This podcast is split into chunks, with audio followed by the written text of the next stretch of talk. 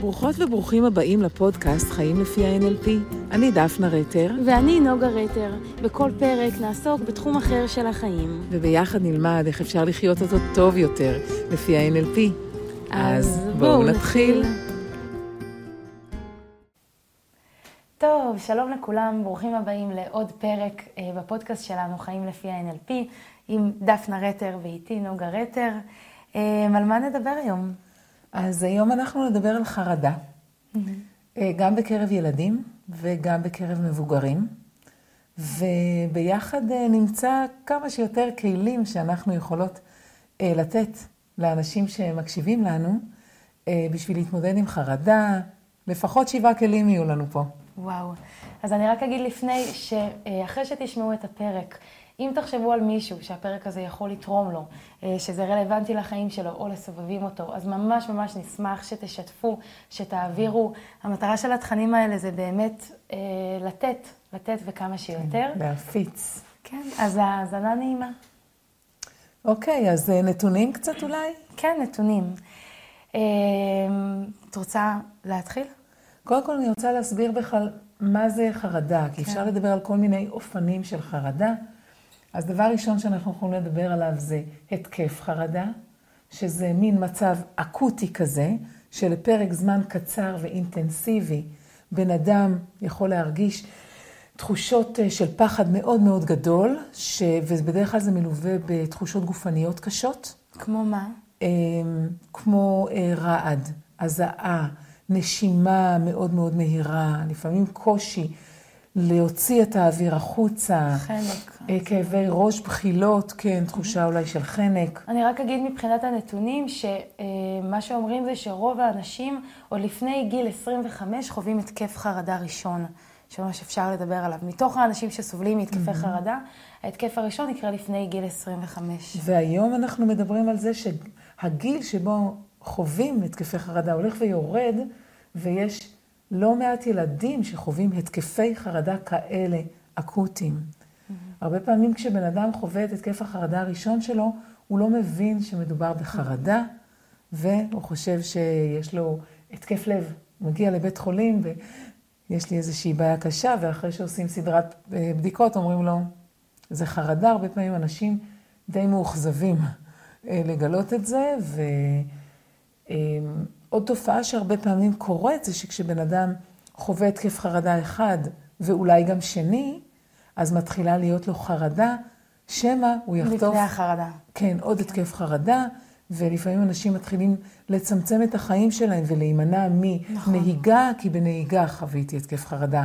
להימנע מכניסה לסופר גדול, כי בסופר חוויתי התקף חרדה.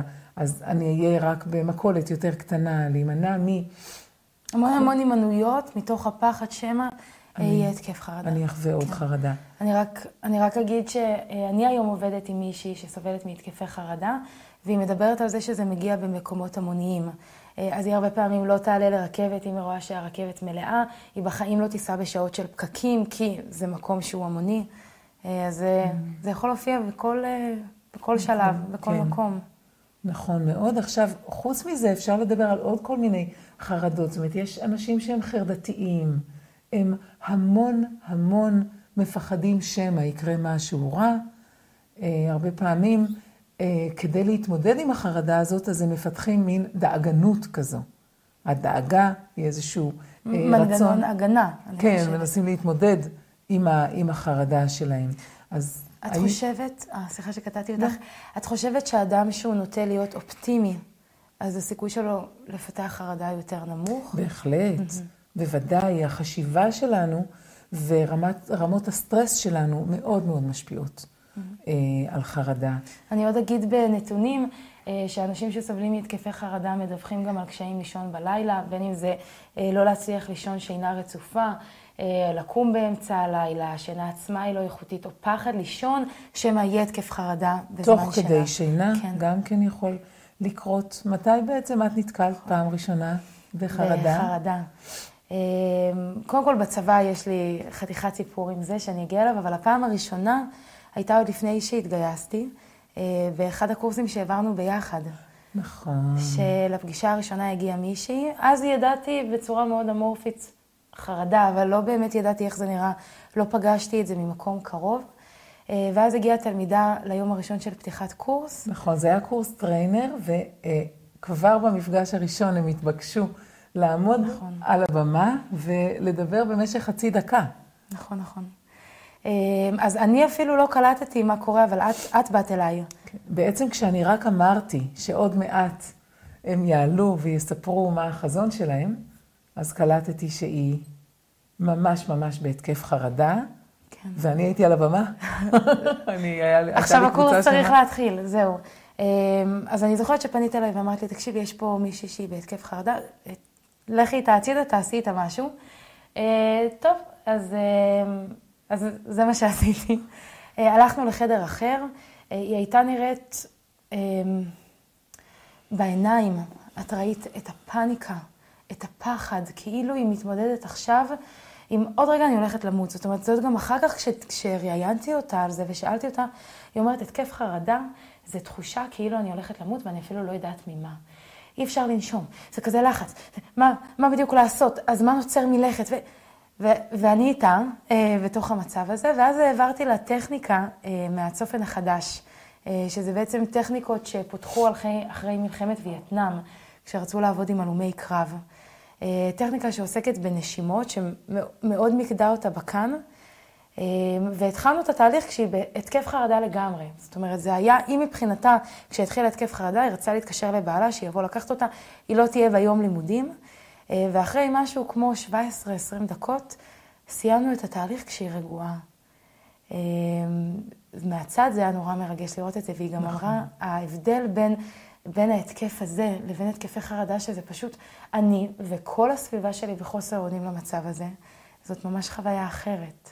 כן, והיא נכנסה ככה לחדר בביטחון, לדעתי אפילו לא עברה דרך הכיסא שלה, ישר נעמדה על הבמה לא ונתנה את הקטע כן? שלה. אוקיי. כן, ו- ומה שהיה מקסים, זה שהידיעה הזאת, שאת שם כעוגן שיכול לעזור לה עם חרדה, אה, נתנה לה המון ביטחון להעיז כל פעם לעשות עוד ועוד בידיעה שאם יהיה התקף חרדה, יש שם מישהו שיהיה איתה. Mm. כן, היא זכרה את זה ממש עד סוף הקורס. אה, זה היה קורס שאת התגייסת בו לצבא, נכון. ואת היית יוצאת שבת כן, שבת לא, אז, אה, היינו, אז הקורס הזה נהנה ממך רק לסירוגין, נכון. אבל אה, כן, היא באמת זכרה לך את זה עד, עד סוף הקורס, אני מניחה שעד היום. וואו. ובצבא, מה היה? אוקיי. אז בצבא, אה, בשלב יחסית התחלתי של השירות שלי, הגעתי לתפקיד שהוא פיקודי, אה, שזה לעצמו דבר מאוד מאתגר. אה, ואני זוכרת יום אחד שהתקשרו אליי מהמגורים להגיד לי שיש חיילת שנמצאת בהיסטריה, ואם אני יכולה לבוא לעזור. עכשיו, בצבא לא כל כך הכירו את נוגה בכובע של האנלפיסטית, גם אהבתי את זה. אבל אם אני יכולה לעזור עם הכלים שיש לי, אז שמחתי לסייע, ובאמת הגעתי.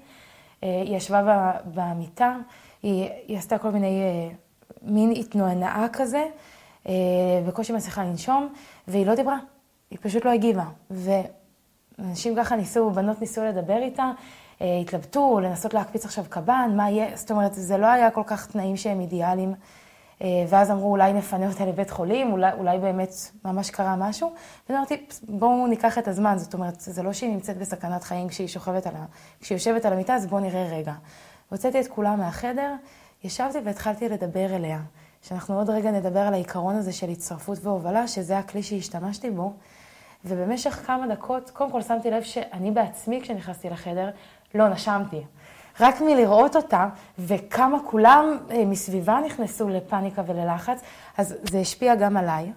אז לקחתי לעצמי רגע כדי בעצמי להירגע לתוך המצב, כי כשאני אהיה רגועה, יהיה לי גם יותר קל להרגיע אותה. אמ, היא לא הגיבה ממש דקות ארוכות כשדיברתי אליה, אבל אה, משהו בטון, בביטחון שבדיבור, אה, אנחנו, אנחנו נדבר על העיקרון הזה, אבל אה, מה שאני רוצה להגיד זה שבאמת בסוף הייתי איתה משהו כמו 40 דקות בחדר, בסוף היא קמה, היא נתנה לי חיבוק והיא אמרה לי, אני אתקשר לספר לאימא שממש ממש עזרת לי.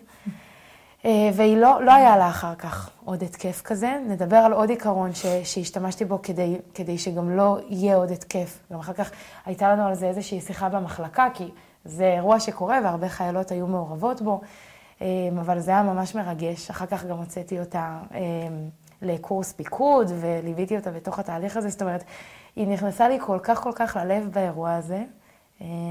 וזה היה סיפור ממש מרגש. מדהים. את בעצמך, בעצמך חווית פעם התקף חרדה? אני חושבת שלא. זאת אומרת, קרה לי שהייתי לחוצה, אבל אחרי שראיתי גם את החיילת הזאת בהתקף חרדה וגם את התלמידה, אז אני יכולה להגיד שלא הייתי במצב של אה, חוסר אונים שמשתק אותי מפני לתפקד. Mm-hmm. יש לי הרבה חברות ש... שיש להן התקפי חרדה, mm-hmm. אבל uh, זה פוגש אותי המון בסביבה, אבל לא על עצמי. Uh, את חווית פעם התקף חרדה? Uh, לא, לא כזה אקוטי. Mm-hmm. באופן כללי אני לא בן אדם חרד. במהות שלי. את גם בן אדם אופטימי. ואופטימי. כן, וגם גדלתי בסביבה, גדלתי בקיבוץ, בלינה משותפת, לא כל כך היה מי שידאג מאוד.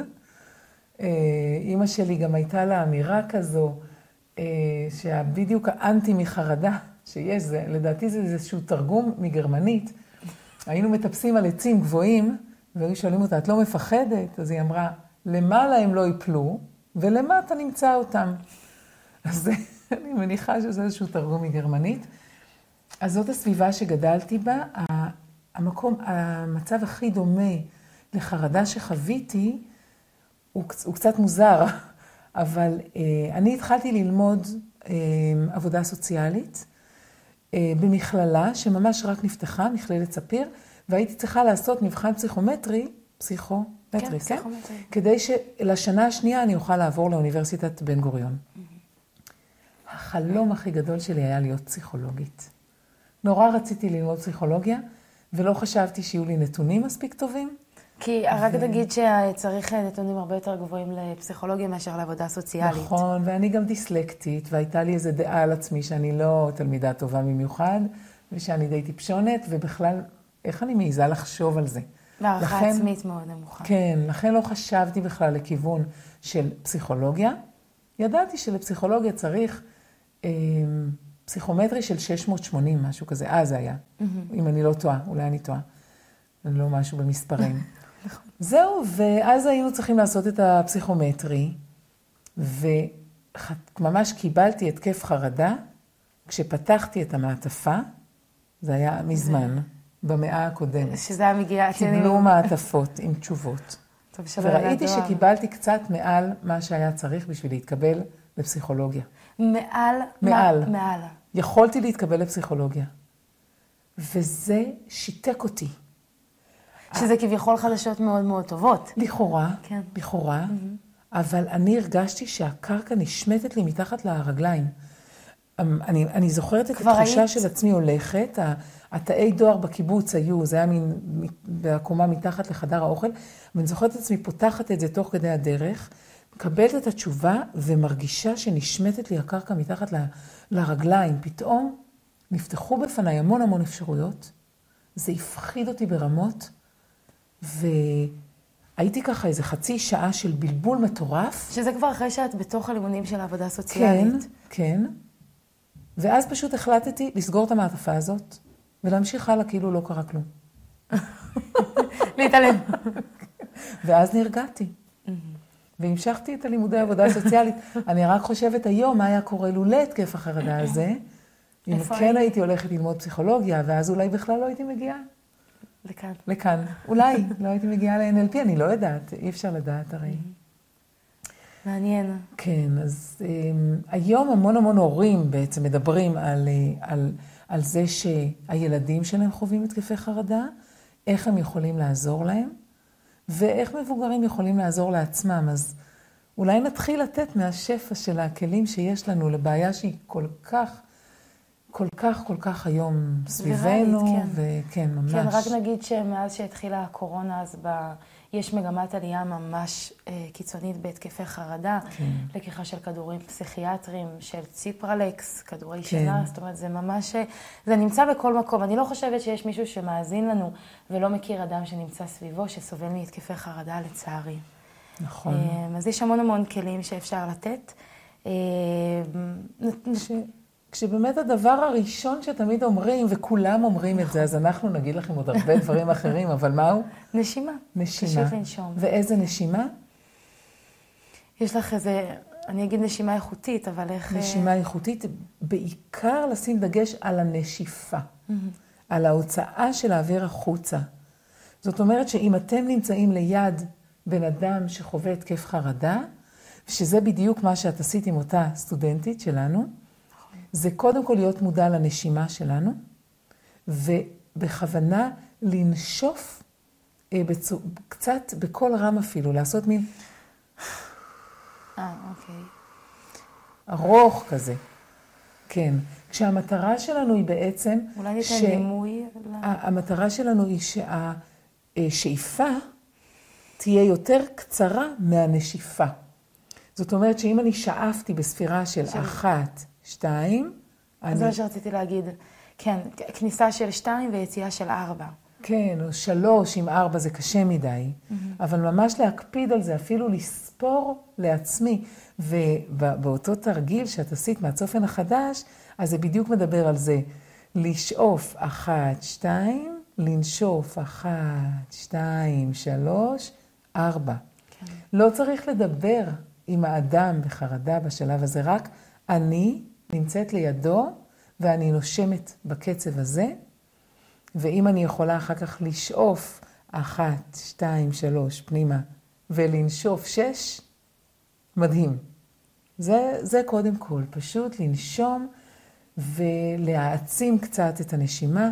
יש לי סרטון יוטיוב, שכדאי לחפש אותו בערוץ היוטיוב שלנו, שבו אני ממש מלמדת איך לעשות את זה ואיך לעשות את זה בצורה ככה את מלמדת מאוד. הורים? מלמדת הורים, כן, איך אה, לעזור לילדים, וקודם כל לנשום. אה, אם אנחנו כבר מדברים על נשימה, אז אפשר לתת עוד טיפ על זה, שהרבה פעמים הורה, כשהילד שלו נגיד נופל, או כשהילד שלו תינוק בוכה נורא, בלי לשים לב, ההורה עוצר את הנשימה שלו. מפסיק לנשום. כן.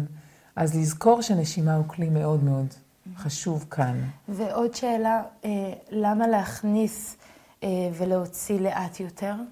אז בעיקרון, מה שקורה הרבה פעמים בחרדה, זה שבן אדם מכניס המון המון אוויר. המון המון אוויר, ונכנס ל, לפעמים למצב שנקרא היפרוונטילציה. אני, ואני לא מצליח לשחרר מספיק אוויר.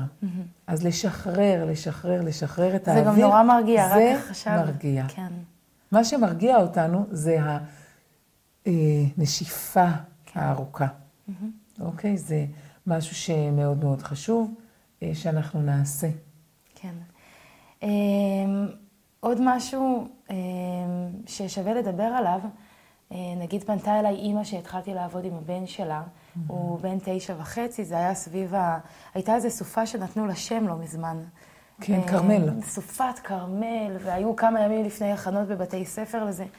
בקיצור, אנחנו עבדנו בכלל על נושא אחר, והיא התקשרה להגיד לי שמתחילים לו התקפי חרדה, או לפחות אה, היא, היא כבר בעצמה נכנסה לפאניקה מהפחד שמא זה חרדה, שהוא מתחיל לפתח סביב הסופה הזאת.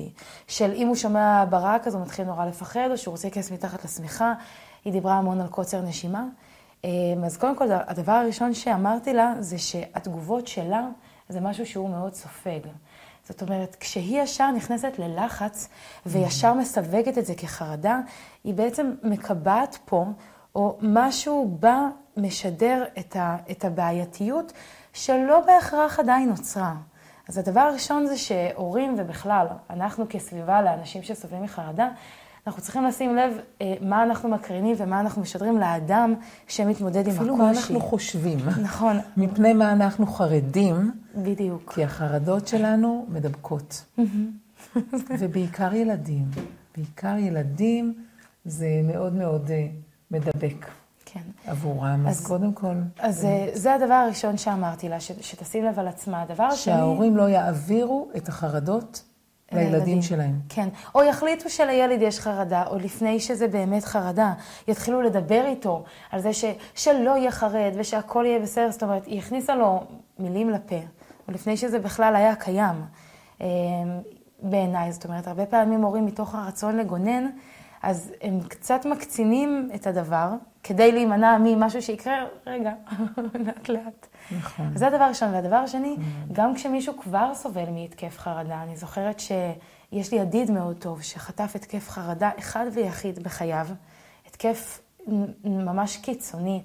אה, ובאמת התלבטנו אם לא, אם לא להפנות אותו לבית חולים, כי לא כל כך ידענו איך, איך להתמודד עם זה. אז היה לי ברור שזה התקף חרדה, אבל זה היה, זה היה כל כך קיצוני, זה קרה לאחרונה. ואחר כך דיבר, דיברתי על זה עם, עם, כל ה, עם כל המעגל חברים שהיה נוכח בזה, ואמרתי להם, תראו, זה שהיה לו התקף חרדה אחד, זה לא אומר שבעתיד יהיה לו עוד התקף חרדה. עכשיו, עצם זה שאנחנו נתייחס אליו כאילו הוא כבר סובל מהתקף חרדה, או מהתקפי. הוא... מהתקפי, בדיוק, התקפי חרדה, אז אנחנו מכניסים פה משהו שלא בהכרח יקרה. אז בואו נתחיל מלא לדבר על, ה, על הבעיה או על החרדה בלשון הווה, או, או גם עתיד, חס וחלילה, אלא בלשון עבר. היה לך התקף חרדה אחד, ולא אמ, האם יהיה עוד התקף חרדה או מה אתה מתכנן לעשות. זאת אומרת, ההתעסקות בזה לעצמה יכולה נכון. להגביר. עצם זה שאתה מתייחס לזה בלשון הווה מתמשך כזה, mm-hmm. אז אתה בעצם אומר, משמר. אוקיי, זה יישאר שם לנצח, ואני תמיד אסבול מחרדות, וזהו, מהיום אני בן אדם אה, שסובל מחרדות, וחבל מאוד. Mm-hmm. אז גם הורים, לשים לב שאתם לא מדברים על החרדה שהייתה לילד שלכם בלשון הווה מתמשך כזה, וגם אתם, אנשים שסובלים מחרדות, להגיד, אוקיי, היה. כן. אני רק אגיד שהטיפ הזה הוא רלוונטי לא רק לחרדות, אלא לכל דבר. זאת אומרת, גם לאירועים קשים אחרים שאנחנו נכון. עוברים, או לפחדים שמלווים כן, אותנו. כן, וגם אנחנו מתכננות לעשות על זה פרק. נכון. נכון, אז עוד לדבר על זה רבות. כן. מה עוד אפשר לעשות? אז זהו, אז את הזכרת מקודם מושג שחלק מהצופים שלנו אולי לא מכירים, שנקרא אה, הצטרפות, mm-hmm. או משפטי אמת. כן. אז איך זה יכול לעזור לנו בכלל? קודם כל, מה זה? מה זה, כן. אה, אז משפטי אמת, כמו שהם נשמעים, זה משפטים שהם אמיתיים. איזשהו משפט שאם אני אגיד לך אותו, אז התת-מודע שלך, אפילו ברמה לא מודעת, הוא רוצה לבדוק האם המשפט הזה נכון או לא נכון. האם אני נוגה, אני משקרת, ואז אי אפשר להאמין לי, או אי אפשר לבטוח בי, mm-hmm. או שאני אומרת את האמת. כמובן, מתוך המקום ההישרדותי שלנו כבני אדם, שאנחנו, אה, המוח זוחלים הזה שם. עכשיו, אם אני אומרת משפט שהוא אמיתי, שהתת מודע שלך אומר עליו כן, נוגה היא אמיתית, אה, מה שהיא אומרת הוא נכון, אפשר לסמוך עליה, אז בעצם אני גם יכולה להצטרף דרך משפטים כאלה אל המקום שבו את נמצאת. ובגלל שהמשפטים האלה הם אמיתיים, אז את תקבלי תחושה שאני רואה אותך, מבינה אותך, אה, נמצאת איתך. משפטים שהם אה, מייצרים... כן, כשזה משפטים נורא פשוטים, פשוט כן. להגיד, את עכשיו אה, יושבת כאן, ואת הנחת את הכוס על ה... ואת מסתכלת עליי, ואת שומעת את הקול שלי. משפטים לכאורה נורא נורא פשוטים. שהאדם מן הסתם, אפשר אפילו ממש לראות אותו מהנהן עליהם של כן, מה שאת אומרת הוא נכון. וזה מחבר אותי להווה. Mm-hmm. זה מחבר אותי לכאן. ויש בזה משהו שהוא מאוד מרגיע. אז אם אולי ניתן דוגמאות למשפטי אמת שמתייחסות לאדם שנמצא בהתקף חרדה? מצוין. כן. אז משפט אמת טוב זה יכול להיות, אה, אני רואה שאת נושמת נורא מהר, אני רואה שאת לחוצה, mm-hmm. זה נורא נורא מפחיד להיות בהתקף חרדה. כן, את בטח מרגישה את הלחץ הזה. הרבה פעמים אנשים רוצים כמה שיותר מהר להוציא בן אדם משם. הכל ו... בסדר, לא קרה כלום, הכל בסדר. בואי, בואי, תקומי, תקומי, נלך לשטוף פנים. תנשמי, תנשמי. אז כן, אז קודם כל להצטרף, קודם כל להגיד, אני איתך, אני, אני רואה, אני שומעת, אני מרגישה את מה שעובר עלייך, אני יודעת שזה קשה, אבל אני איתך בתוך הקושי הזה. Mm-hmm. את, את לא לבד שם. אנחנו ביחד, ויש ספר נורא נורא יפה שאנחנו מאוד אוהבות, קולו של מילטון אריקסון, My voice will follow you, שאומר, הקול שלי עכשיו מלווה אותך החוצה מתוך זה. אה, אם נדבר על כלים לחרדה, אז גם אני הקלטתי, אה, ובאתר האינטרנט שלנו, בספוטיפיי, יש אה, דמיון מודרך שהקלטתי להתקפי חרדה. Mm-hmm. אקוטיים. ברגע שבן אדם נמצא בהתקף חרדה, פשוט לתת לו, להקשיב לזה, וזה ממש זה, הקול שלי מלווה, מלווה, מלווה, החוצה מתוך החרדה. אני רק אגיד שיש לי תלמידה אה, שלומדת NLP, שהבן שלה בן 15, סובל מהתקפי חרדה אה, בזמן שינה, זאת אומרת, מתעורר להתקף חרדה ולא יודע מה לעשות, והיא שיתפה אותי לפני כמה שבועות שהוא מיוזמתו, איכשהו הגיע אה, להקלטת ספוטיפיי שלך, איכשהו כתב בספוטיפיי חרדה, מה עושים עניינים, שמע את זה, והוא אמר, אה, אם בעבר, או אם עד ההתקף הזה, זה היה לוקח משהו כמו 40 דקות עד שעה, רק להירגע, שלא נדבר על להירדם אחר כך, mm-hmm. אז הוא אמר שאחרי 20 דקות הוא כבר היה חדש לגמרי, ולא רק, לא רק החוויה הזאת, אלא התחושה, הרי בהתקף חרדה זה חוסר אונים נורא גדול. והוא דיבר על זה שהוא כאילו קיבל את השליטה על ההתקף חרדה הבא, כי הוא יודע שהוא יפעיל את ההקלטה. בדיוק. אז ממש ממש מוזמנים להשתמש בזה, זה כלי כן, מדהים. כן. כן, וזה ממש ממש זה, זה, זה מתחיל מלהצטרף למצב שבו נמצאים, ואז מה יהיה השלב הבא? אז אחרי הצטרפות, יש הובלה. שהובלה זה משפטים שהם כמובן, זאת אומרת, הם לא משפטים שהם אמיתיים, כי אני רוצה להוביל למקום אחר. אז אני לא אומרת משהו שאני רואה עכשיו, נגיד שאת לחוצה, אלא לאן אני רוצה להוביל אותך. אז אם אני אחזור לדוגמה עם החיילת שהייתה לי בצבא, אז התחלתי מכמה משפטי הצטרפות. אז אמרתי לה, טוב, את, את יושבת פה עכשיו על המיטה ואני, ואני רואה שאת נורא נורא בלחץ. זה משפט ראשון, ושקשה לך לנשום. והאמת היא שגם אני אה, איתך, זה מלחיץ להיות בתוך המצב הזה. אמ, אז היו ככה עוד כמה משפטים כאלה, ואז משפט הובלה שהוא מאוד מאוד עוזר זה, אבל בקרוב את תשימי לב שאת מתחילה להירגע והנשימה תהפוך להיות יותר איטית. או בעוד כמה רגעים את תרגישי שחל שיפור. זאת אומרת, משפטים שהמטרה שלהם זה אה, להוביל, להוביל החוצה, החוצה משם. כן. נכון, מתוך ההתקף. ואם אנחנו מדברים על, על זה שאנשים מפחדים מההתקף הבא, mm-hmm. אז, אה, אז גם לזה יש לנו פטנט. מתוך המודל הלשוני, יש ב-NLP יש מודל לשוני קצת מורכב, אבל יש בו אי אלו שאלות שהן לא מאוד מורכבות. ושאלה שמאוד מאוד עוזרת כאן לבן אדם שהוא אה, נורא נורא כן. מפחד, mm-hmm. כן? אז הוא אומר, אני... אם אני אכנס לרכבת, וברכבת יהיו המון המון אנשים, אז אני מפחד שאני אכנס להתקף חרדה, אז מה אנחנו, מה הפטנט שאנחנו נגיד לו פה? אוקיי, ומה יקרה אם? ומה יקרה אם? כן. ומה יקרה אם תיכנס לרכבת ויהיו המון אנשים? אז אני אקח את הדוגמה הזאת. ומה יקרה אם תיכנס לרכבת ויהיה התקף חרדה? חרדה? אז מה יקרה? כן. אז אני ממשיכה את הקו הזה, כי בדיוק יש לי מישהי כזו שאני עובדת איתה. אז היא מפחדת שהיא תיכנס לרכבת והוא לא יהיה לה מקום ליד החלון, כי ברכבת היא מצאה קרונות שאפשר לפתוח קצת את החלון, ואז נכנס אוויר, ואז אין חנק. ממש הם, הם, הם המון המון עסוקים בזה, אנשים שסובלים מהתקפי חרדה. זה גם נורא מתיש. אמרתי לו, אוקיי, אז מה יקרה אם לא תמצאי מקום ליד החלון? מה זאת אומרת? אז, אז, אז יתחיל החנק. ואני אומרת לה, אוקיי, ומה יקרה? אז אני אכנס להתקף חרדה, ומה יקרה? אז אני אהיה בהתקף חרדה. אני אומרת לה, אוקיי, ומה יקרה? ומה יקרה אחר כך? כן, מה יקרה אחר כך? אז אמרתי אז, אז זאת תהיה חוויה נורא קשה, ואני אהיה בתוך זה איזה 20 דקות. אוקיי, ומה יקרה אחר כך? עכשיו, אי אפשר למות מהתקף חרדה. הרבה פעמים בתוך התקף אנשים מרגישים שזה, שזה חוסר אונים כל כך גדול, שזה על גבול ה... עוד רגע, אבל אין בזה שום דבר שהוא מסוכן פיזית. זה נורא נורא קשה אה, חווייתית, ברמה התחושתית להיות בהתקף חרדה, אבל אי, שום דבר, אין פה סכנה. אה, ואנשים, ברגע שהם חושבים על זה, פתאום ככה, אז... בדיוק, וזה, וזה ממש כלי. זה ממש כלי לזכור שלא מתים מזה. זה לא מסוכן ולא מתים מזה, וגם אם, אם אנחנו מדברים על התקפי חרדה שהם אקוטיים, שהם כאלה אה, אינטנסיביים וקצרים, זה גם עובר. זה לא, אפילו שבאותו רגע הזמן עוצר מלכת ונראה לי שאני תקוע שם לנצח, אז זה עובר וזה חולף, ויש משהו מאוד מרגיע בלדעת את זה.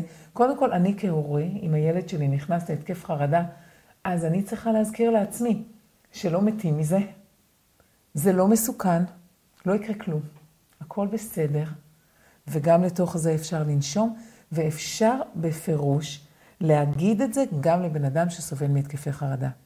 ממש להגיד את זה. אני מזכירה לך שלא מתים מזה. זה עוד מעט יחלוף, ואת עוד מעט תירגעי, זאת, זאת הובלה. זאת הובלה, זהו. עכשיו, זאת הובלה קיצונית. כן. כן. היא יכולה להיות מאוד קשה לאדם שתמצא בכאלה תחושות קשות מצד אחד. מצד שני, זה, זה מסר שהוא גם חשוב. מאוד, מאוד חשוב ו- ו- וגם מרגיע. כן. וגם מרגיע לדעת את זה. מקסים. כן. הרבה, הרבה כלים, הרבה שיטות.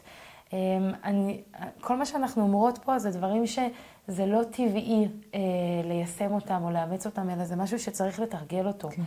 וזה מאוד מאוד קשה. אני אגיד מה, מהמקום שלי, כמישהי שהמון נמצאת ליד אנשים שסובלים מהתקפי חרדה, זה לא קל להכיל את זה. אפילו האדם ש, שרואה את זה או, או נמצא ליד, זה, זה לא מקום שהוא פשוט, והרבה פעמים אני בעצמי נכנסת למיטה בלילה ואומרת, וואו, אני צריכה רגע לעכל ולאבד את מה שהיה, ולשאול את עצמי האם פעלתי בצורה טובה או לא, ומה אפשר ללמוד, מה אני יכולה ללמוד כדי להשתפר מזה. תזכרו שתעשו או לא תעשו, זאת אומרת, אם לא תעשו שום דבר, אז, אז לא, לא עזרתם. אבל אם תעשו, אז אתם יכולים מאוד לעזור לאדם. ומתרגלים את זה. כן. לגמרי. בהחלט. יש עוד כלי mm-hmm. שאנחנו יכולים הרבה להשתמש בו, שהוא לקוח מבחינת NLP, השם של זה, זה של התהליך הזה הוא שרשרת עוגנים, שאנחנו בעצם מדברים בו על, על איזשהו אה, טריגר, על איזשהו כפתור שכשהוא נלחץ, מתחיל ההתקף, ומשם כבר... אנחנו בתוך הלופ. אנחנו בתוך איזשהו לופ. אז מה הכלי הזה? את רוצה להגיד על זה מילה? כן. ה... אז הטכניקה של שרשרת עוגנים היא בגדול מדברת על מצב שבו רגש מסוים מוביל אותנו לרגש אחר. נגיד, אני מתאהבת, ואז זה מוביל אותי לפחד, ואז אני, אני בורחת מתוך, ה, מתוך ההתאהבות ומתוך האהבה, ולא מצליחה להיכנס לזוגיות בגלל זה. עכשיו, לא בהכרח התאהבות צריכה להוביל לפחד, היא יכולה להוביל לציפייה, לסקרנות, להתרגשות. אז גם כאן אנשים יכולים מתוך התרגשות מאוד מאוד גדולה, נגיד יש כנס גדול שאני צריכה להגיע אליו, או אירוע שהוא נורא נורא חשוב לי, אז אני נמצאת בתוך התרגשות, ומתוך ההתרגשות הזאת זה מוביל להתקף חרדה. עכשיו השאלה היא, האם בהכרח זה צריך להיות כך? או שאותו רגש, אותו טריגר, אותו כפתור, במקום להוביל חרדה, יכול להוביל לרגש אחר. כן, שזה ממש איזושהי עבודה של תכנות. כן. NLP, ה-P זה programming, אנחנו יכולים ממש לתכנת את האדם שבמקום מהטריגר הזה נכנסתי ל, לרכבת ולא מצאתי אה, אה, כיסא ליד החלון, שזה הטריגר, מזה אני אעבור בכלל לתגובה אחרת. זאת אומרת, זה לא חייב דווקא להוביל להתקף חרדה, זה יכול להוביל למשהו אחר, ואפשר ללמד את זה, אפשר ללמד אנשים את זה. הכלי האחרון אולי, לא, בעצם אפשר לתת עוד שני כלים פה. אז יש כלי שאת דיברת עליו מקודם, שזה הצופן החדש. נכון. שזה בעצם מדבר, יש בצופן החדש, יש כמה עקרונות, שכולם יכולים מאוד לעזור בהתקף חרדה. כשמגיע אליי לקליניקה בן אדם, והוא תוך כדי תהליך, הוא פתאום נכנס להתקף חרדה, אני מיד שולפת מהשרוול איזשהו כלי של הצופן החדש. בצופן החדש יש באמת, יש כלי אחד של נשימות שדיברנו עליו מקודם, יש עוד כלי של משחק. פשוט לשחק. ולמה, מה, מה משחק עוזר? מה שמשחק עושה, שני דברים. קודם כל, יש בו הסחת דעת, mm-hmm. ויש בו, אנחנו משחקים משחק שמביא את האדם למצב ביצועי גבוה. כי יש שם איזשהו אתגר שהולך ועולה, וזה נהיה קצת יותר קשה וקצת גם. יותר קשה ואתה מצליח. זה מתחיל מנורא נורא פשוט. זה יכול להיות אפילו להתמסר בכדור, ואז אחר כך להתמסר, לתפוס את הכדור פעם בשמאל ופעם בימין, ואחר כך אה, לתפוס אותו ו- ולעשות איזשהו סיבוב. לעשות סיבוב וקפיצה ועל רגל אחת. ולחיית כף. ו- כן, זאת אומרת, טיפה לעשות איזשהו משהו שיש בו קצב, שיש בו מהירות, שיש בו הצלחה, mm-hmm. ואז אני כבר במקום אחר. Mm-hmm. אז הכלי אז הזה... אז זה גם הסחת דעת וגם רמה ביצועית גבוהה, כשהאדם כן. בחוויית הצלחה. וכיף. כן, משחק, משחק זה כיף. אפשר לצחוק בתוך משחק. אז כלים כאלה של הצופן החדש מאוד מאוד עוזרים. יש אה, סוג של חרדה שהוא לאו דווקא החרדה האקוטית הזו שדיברנו עליה עד עכשיו, אלא איזושהי תחושה של חרדה מפני אירוע שעומד לקרות. לדוגמה, טסט נהיגה. אז יש לי טסט נהיגה, יש לי מעבר דירה, לידה, משהו אבל שבטוח עומד לקרות. כן. לא ש- אני חרדה שמא הבן שלי תהיה לו תאונת דרכים. זה הרי לא ברור שתהיה לו תאונת דרכים. אז זה לא מתאים לתהליך הזה, אלא משהו שבאמת, יש לי בעוד שבוע ראיון עבודה קריטי. אם אני אעשה שם רושם טוב, זה מקפיץ את הקריירה שלי, ואם אני לא אעשה שם רושם טוב, אני תקוע. למשל. זאת אומרת, אירוע ודאי שהולך לקרות בעתיד, כן. ואני חרדה מפניו. כן. מפניו. אוקיי. כן, גם עמידה מול קהל, הרבה פעמים אפשר לעשות על זה, או ניתוח, שאני עומדת לעבור, אוקיי? כל דבר שבוודאות אני אעבור. יש לו תאריך. יש כן, לו תאריך. ממש יודעים מה התאריך שלו, ואז מה הפטנט שלנו? אה, אז יש ממש טכניקה שנקראת נכון. אה, חרדה על קו הזמן, שהעיקרון שהטכניקה מדברת עליו זה שאנחנו חרדים עד שהאירוע הזה מגיע, ואולי תוך כדי האירוע, ואז האירוע נגמר. 15 דקות אחרי האירוע, האם עוד יש חרדה? אז מה שבעצם כן אנחנו עושים זה שאנחנו מבקשים מהאדם לדמיין את עצמו 15 דקות אחרי הסיום המוצלח של אותו אירוע. זאת אומרת, 15 דקות אחרי שהוא יצא מראיון העבודה הזה, והוא עשה בראיון העבודה הזה רושם מדהים, בלתי רגיל. הם פשוט נשארו פעורי פה מהיכולות שלו, מהרהיטות שלו, מהכריזמה שלו, מה שאני לא יודעת מה, איזה רושם הוא רצה להשאיר שם. אז הוא 15 דקות אחרי סוף הראיון המוצלח הזה. עכשיו זה נורא נורא ברור. ואיך הוא מרגיש שם? אוקיי. איך הוא מרגיש שם? מדהים, נכון? ו- ואז, ואז שואלים את הבן אדם, אוקיי, עכשיו כשאתה בדמיון שלך מדמיין את עצמך, 15 דקות אחרי הסיום המוצלח, איפה החרדה? אין, ברור שאין. כן. אם עוד יש חרדה, סימן שהוא לא דמיין הצלחה. הצלחה פנומנלית. זאת אומרת, העיקרון הזה מדבר על זה שאנחנו חרדים מפני משהו לפניו, בזמן שהוא קורה, מאיך שבאמת הוא יקרה, זאת אומרת, מה יהיו ה- ההשלכות, או איך אני אהיה בתוך האירוע הזה, אבל ברגע שהאירוע נגמר, ממש 15 דקות אחרי, זאת אומרת, שנייה אחרי, אז אין, אין כבר חרדה. כן. בוודאי ובוודאי, אם, ה- אה, אם דמיינו את זה בצורה שהיא מוצלחת. אה, אני עשיתי לעצמי את התהליך הזה של חרדה על קו הזמן לפני הטסט אה, של הנהיגה, שהיה לי לפני, בגיל 17. אה, ואני זוכרת כמה, כמה זה מרגיע לדמיין.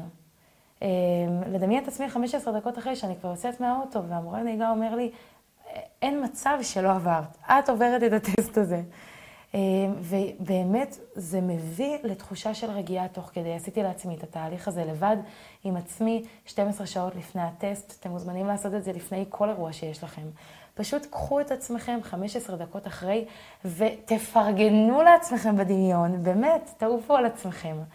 אה, ומה שזה עושה זה שזה מביא לרמה ביצועית גבוהה יותר. זאת אומרת, כשאנחנו מצליחים לדמיין את עצמנו, מצליחים באירוע מסוים, קל לנו יותר, יש משהו מגויס. אני הרגשתי שאני מגיעה עם התחושות האלה של יאללה, אני עושה מה שצריך כדי שמה שדמיינתי יתגשם. וזה גם באמת מסיט מהחרדה. כן. אה, אז זה גם כן כלי מעולה. נכון, עכשיו לפעמים אנשים אומרים, כן, אבל מה הסיכוי שזה יהיה את כזה עצמי. טוב? כן, אני משלה את עצמי, ואני עף על עצמי, וזה גם לא יהיה ככה. כן. אני מדמיינת שאני עוברת ואז אני אכשל על זה סתם. אה, אני אתאכזב עוד יותר. נכון. אז במקרה הזה תענו, תענו לקולות האלה, ותגידו לקולות האלה, אה, נכון, אני משלה את עצמי, ברור, הרי זה עוד לא היה. נכון? זאת אומרת, כל דבר שאני מדמיינת לעתיד זאת אשליה. אבל גם כשאני מדמיינת שאני אכשל, ושאני את אכנס גם משלה לחרדה, את עצמך. אני גם משלה את עצמי. ורק נשאלת השאלה, איזו אשליה מקדמת אותי יותר טוב, ואיזו אשליה תביא אותי לביצוע יותר טוב. וברגע שאתם מבינים מה התשובה הנכונה, תמשיכו לדמיין ולעוף על עצמכם. מקסים. כן. אחלה של, אה, של סיום, כן. אז אנחנו ממש מגיעות כבר אה, לסוף הפודקאסט. נכון. אה, הרבה כלים, הר- הרבה דברים. אני יכולה להעיד על עצמי שאני מאזינה להמון פודקאסטים ומעשירה את הידע שלי, והרבה פעמים אני מרגישה שזה המון המון מידע, שאין לי באמת איך ליישם אותו, ואז אני בוחרת לשמוע את אותו פודקאסט כמה שבועות אחרי שוב. אז אם אתם מרגישים שזה המון דברים, אז אולי תבחרו אפילו עיקרון אחד מתוך העקרונות שדיברנו עליהם, ותתחילו ליישם אותו. ותחזרו עוד כמה שבועות אלינו, לשמוע את הפרק הזה שוב, ולראות אה, באמת עד כמה הצלחתם ומה אתם רוצים עוד לאמץ, ליישם, לתרגל אותו, כי זה המון המון דברים. כן. נכון, וגם אה, לזכור שאם אתם לא מצליחים להתמודד עם החרדה בכוחות עצמכם, תפנו לאיש מקצוע, ואנחנו כמובן ממליצות על... NLP. כן, כי, ובאמת, אם יש, אה, אם, אם יש תחום שאנחנו מצליחים בו בצורה פנומנלית, זה חרדות. כן, כן. אז אה, ממש ממש שווה, ואם אתם כבר פונים ל-NLP, ככה טיפ עוד קטן מאיתנו, תבקשו טיפול שנקרא TLT, Timeline Therapy, כי זה הטיפול, באמת, תרפיית קו הזמן, אה, טיפול של יום ארוך מאוד. יש לנו הצלחות בלתי רגילות בטיפול בחרדה, בכלי הזה. אז uh, אתם יכולים לעשות המון בכוחות עצמכם. אתם מוזמנים גם לחפש את הסרטון ביוטיוב שבו אני נותנת כלים uh, על חרדה, ואת הדמיון המודרך שלנו לטיפול בחרדה אקוטית. ואם לבד לא הצלחתם וכל הכלים שיש כאן לא עזרו, לכו לטיפול. יש בארץ היום אלפי אנשים שעושים טיפולי NLP מדהימים. כן. אני רק אגיד שגם אנשים שסובלים מהתקפי חרדה ולוקחים תרופות פסיכיאטריות, אז זה לא אומר שאין מה לעשות. זאת אומרת, חרדה זה משהו שהוא, אה, זה מרכיב נפשי לגמרי, ויש המון מה לעשות איתו. נכון. אה, ורק אני אגיד לסיכום שאני עבדתי עם מישהי שלקחה במשך כמה שנים אה, ציפרלקס, שזה כדור שהמטרה שלו זה באמת אה, למנוע התקפי חרדה. הכדור עצמו, שהוא פסיכיאטרי, והיה לה מאוד קשה מחשבתית, רעיונית לחשוב על זה שהיא בכלל אה, תלותית בכדורים פסיכיאטריים, הוא גם לא כל כך עזר. והיא הגיעה לטיפול, ואחרי שבעה מפגשים בייעוץ עם הפסיכיאטר, ואחרי תהליך מאוד משמעותי, היא גם הפסיקה לנטול את הכדורים, וגם באמת יצאה לחיים שבהם היא יותר עצמאית, עצמאית כן. עם שליטה על החיים שלה. לגמרי. יש המון מה לעשות. אז זהו, אז אנחנו שוב מזמינות אתכם לשתף בפודקאסט הזה אנשים ונשים והורים וילדים שמתמודדים עם חרדה, ואנחנו נהיה פה בעוד הרבה מאוד פרקים, אז שווה לעקוב אחרינו. תודה רבה. להתראות.